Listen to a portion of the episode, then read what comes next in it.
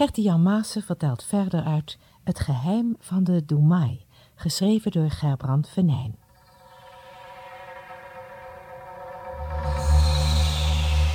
Na een vreselijke oorlog heeft een kleine, overgebleven groep mensen een maatschappij gesticht. Hun leider, de Doemai, is de enige die weet dat er een boek bestaat dat geschreven is door de schepper. Als Jom samen met twee vrienden een paar gedeelten uit dat boek gevonden heeft, wordt hij door iedereen in zijn omgeving als lucht beschouwd. Ondaan vlucht hij naar huis. Deel 9. Een vreemde ervaring.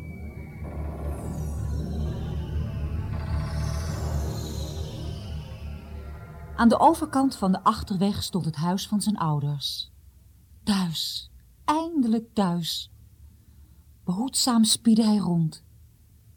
Leek wel of de hele omgeving uitgestorven was. Haastig spurgde hij de weg over, eilde de tuin door en ging het huis binnen. Daar heerst hetzelfde beeld. Niemand te zien. Nog de bedienden, nog de koetsiers, nog de raadsheren, nog de kamermeisjes, nog zijn ouders waren thuis. Jom liep door de verlaten kamers. Verstrooid dronk hij een beker water. Zijn eigen beker zag hij niet, daarom nam hij die van zijn moeder. Hij verlangde ernaar uit te rusten en wilde in zijn eigen stoel gaan zitten die altijd bij de haard stond.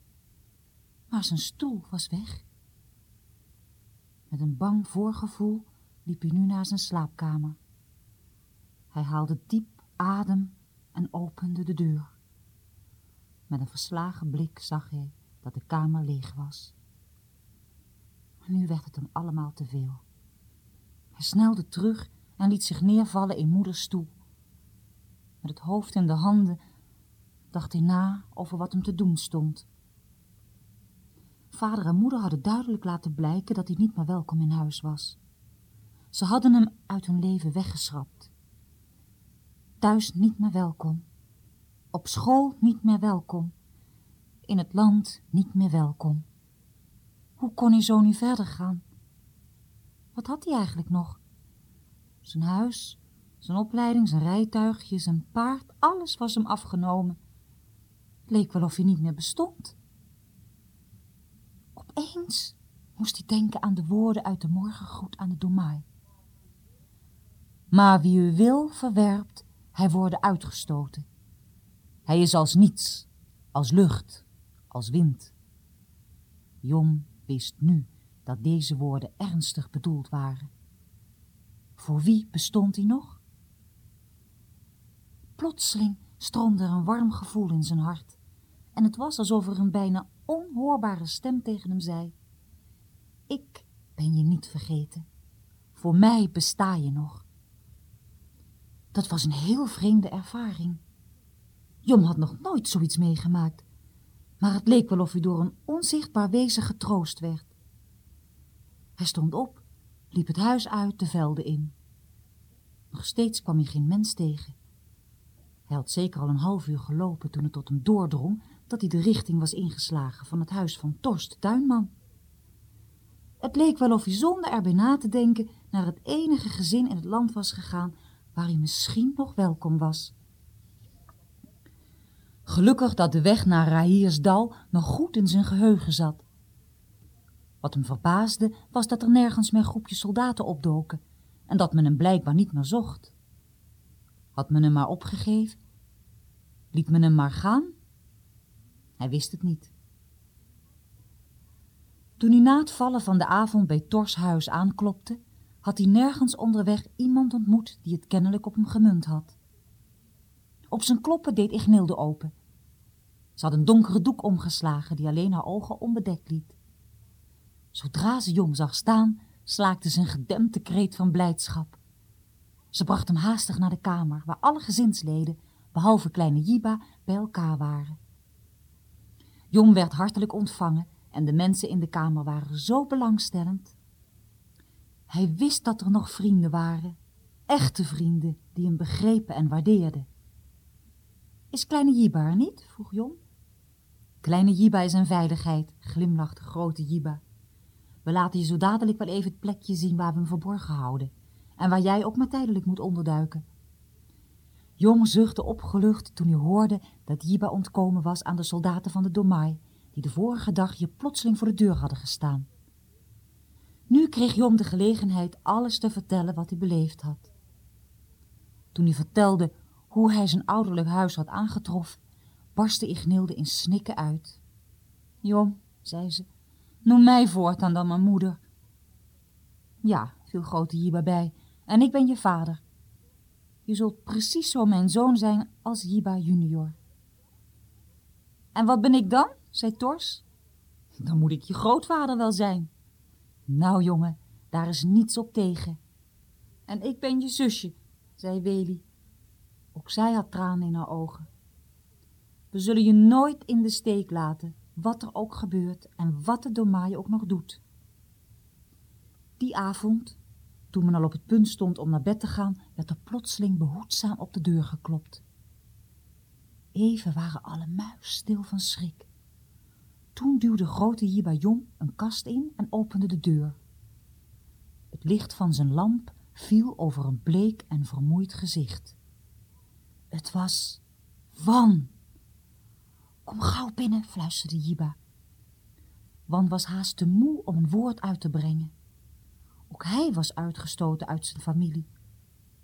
Met veel moeite en zoeken had hij het huis van Tors de tuinman gevonden, waar hij hoopte een veilig onderdak te kunnen vinden. We krijgen er veel familieleden bij, zei grote Jiba. We moeten deze jongen dan ook maar als zoon aannemen. Vind je niet, vrouw? Dat had ik nu juist willen zeggen, viel Ignilde bij. Zo werd ook Wan in het grote gezin opgenomen. Hij was te moe en te veel geschokt om echt blij te kunnen zijn. Omdat het gevaarlijk was de beide jongens in het huis te laten slapen, bracht men hen naar de schuilplaats waar kleine Jiba zich verborgen had. Een stapel gekapt hout waar men een ruimte onder gemaakt had. Wanneer men een paar takkenbossen wegnam, kwam er een gangetje tevoorschijn waar je in gebukte houding doorheen kon sluipen. Het was een primitieve, maar toch wel ruime en veilige plaats om de nacht in door te brengen. Nadat Jom en Wan kleine Jiba hadden begroet, duurde het niet lang meer of ze vielen in een diepe slaap.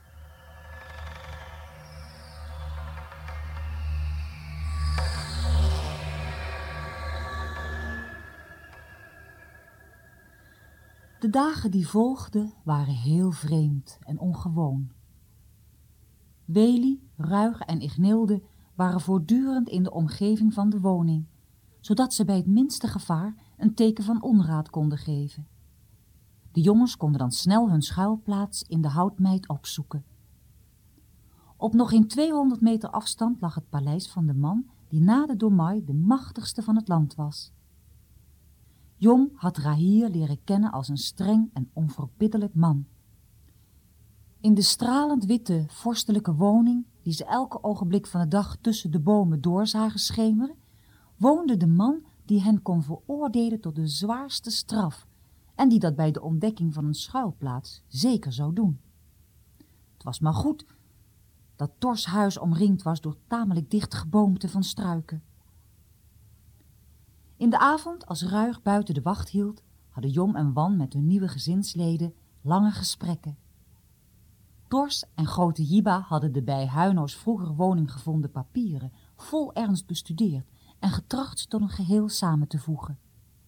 Maar dat was nog steeds niet gelukt. Het onderwerp van haast al hun gesprekken was het heilige boek. Door alle moeite en zorgen leek het wel alsof hun verlangen naar de boodschap van dat boek steeds groter was geworden. Op een avond zei Jom ineens, hoe lang moeten we hier nog blijven zonder dat we iets doen? Ik heb steeds maar het gevoel dat, dat al het moeilijke ons overkomen is, omdat we het boek terug moeten vinden. Zo denken wij er ook over, zei grote Hiba. Ik vraag me alleen af waar we heen moeten gaan om iets meer te weten te komen. Ik heb wel iets in mijn gedachten, zei Jom aarzelend. De enige plaats waar we misschien nog iets kunnen vinden is in, in de grot van de Domai. De grot van de Domai, huiverde Ignilde. Tors en grote Jiba zeiden niets. Wat denkt u, vader? wilde kleine Jiba weten. Ik ben het volkomen met hem eens, antwoordde grote Jiba. Maar het is, het is een zeer gevaarlijk plan. Tors knikte ernstig. Jullie hebben er geen idee van hoe listig die oude Domai is en hoeveel zwaar bewapende mannen hij tot zijn beschikking heeft. Die grot komen jullie nooit binnen, vervolgde grote Jiba. Dat weten we wel, zei Jom teleurgesteld door alle tegenstand. Maar weet u dan een plek waar we ooit wel iets zouden kunnen vinden? Je hebt gelijk, zei Wan. Een andere plek is er heus niet. Maar beseffen jullie wel goed wat je begint? Vroeg Tors, terwijl ze ernstig aankeek. Weet je wat? Laat mij gaan. Ik heb niet veel jaren meer te leven. Wie weet hoe schitterend ik nog slaag. Ze zullen u missen op het werk en zich afvragen waar u bent. Dat is waar, knikte grote Jiba. Als hij niet meer in de tuin aan het werk is, zullen we al Gaura hier op bezoek krijgen. Ziet u nu zelf? Wij zijn de aangewezen personen, zei Jom met geestdrift. We zijn toch al spoorloos verdwenen. Of we nu op zoek gaan of niet, niemand zal er ook maar iets van merken. Als jullie per se wilt gaan, zouden jullie dan niet moeten gaan? Weet je wat het is, jongens? Langzamerhand komt er tekening in de gebeurtenissen. Hebben jullie ook niet het gevoel dat de schepper zelf zich aan ons bekend wil maken? Nou, jullie moesten het erop wagen. Probeer het in elk geval. Als jullie zonder resultaat thuiskomen, zal niemand je iets verwijten. Dit huis blijft jullie huis, zolang je leeft. Dat is juist zo'n fijne gedachte voor ons, zei Jong. Waar we ook zwerven, ergens hebben we een huis. Ergens zijn er mensen die aan ons denken. Zo denk ik er precies over, beaamde Wan. Maakt u zich geen zorgen over ons. We hebben al heel wat bergen beklommen. Dat zou ik ook denken, zei Jong. Maar, liet hij er bedenkelijk op volgen, we zijn ook nog nooit aan zo'n riskante onderneming begonnen. Komen jullie daarom meteen terug als het niet lukt? drong Ignilde aan. Je merkt gauw genoeg of de ingangen van de grot toegankelijk zijn of niet. We zullen wel zien, zei kleine Jiba. In elk geval kunnen we er wel zeker van zijn dat niemand ons daar verwacht. Ze zullen eerder denken dat we zo ver mogelijk bij de Domai vandaan gevlucht zijn. Dat moeten we dan maar hopen, mompelde Tors met bedenkelijk omgekrulde onderlip. Wanneer vertrekken we? vroeg Wan. voor mijn part gaan we over een uur, als het goed donker is, mompelde kleine Jiba. Ja, waarom zouden we nog langer wachten? vond Jom. Weet jij de weg naar de grot van de Domai? vroeg Ignilde aan kleine Jiba. Die moet ergens in de buurt van de Zwarte Poel liggen. Gaan we zo? vroeg Wan zich af. Vermomming lijkt me niet onverstandig, meende Tors. Met valse baarden en eenvoudige kleding zijn jullie gemakkelijk om te toveren in boeren. We zullen onze rol goed spelen, lachte Wan. Ik ben benieuwd hoe die oude Domai eruit ziet. Oh, je hebt niet veel respect voor onze hoogste leider, grijnze Tors. Heb je dat soms op school geleerd, bij de ochtendgroet? U steekt ze allemaal aan met uw spot, zei grote Jiba tegen zijn schoonvader. De Domai is nog altijd een man met een zeer groot gezag. De Domai is een mens, net zoals jij en ik, antwoordde Tors scherp. Hij heeft misschien wat meer verstand gekregen dan de doorsnee burger. Maar van wie heeft hij dat gekregen? Wat matigt hij zich aan tegen de maker van al dat wonderlijke en geweldige? Tors vinger wees naar de diepblauw, glanzende avondhemel, waartegen de eerste sterren begonnen te pinkelen en waartegen de zwarte silhouetten van de bomen zich zacht heen en weer bewogen in de avondwind. Er viel een diepe stilte in het vertrek. Ga mee naar buiten, zei Tors nu met zachte en eerbiedige stem. Allen volgden hem naar het erf.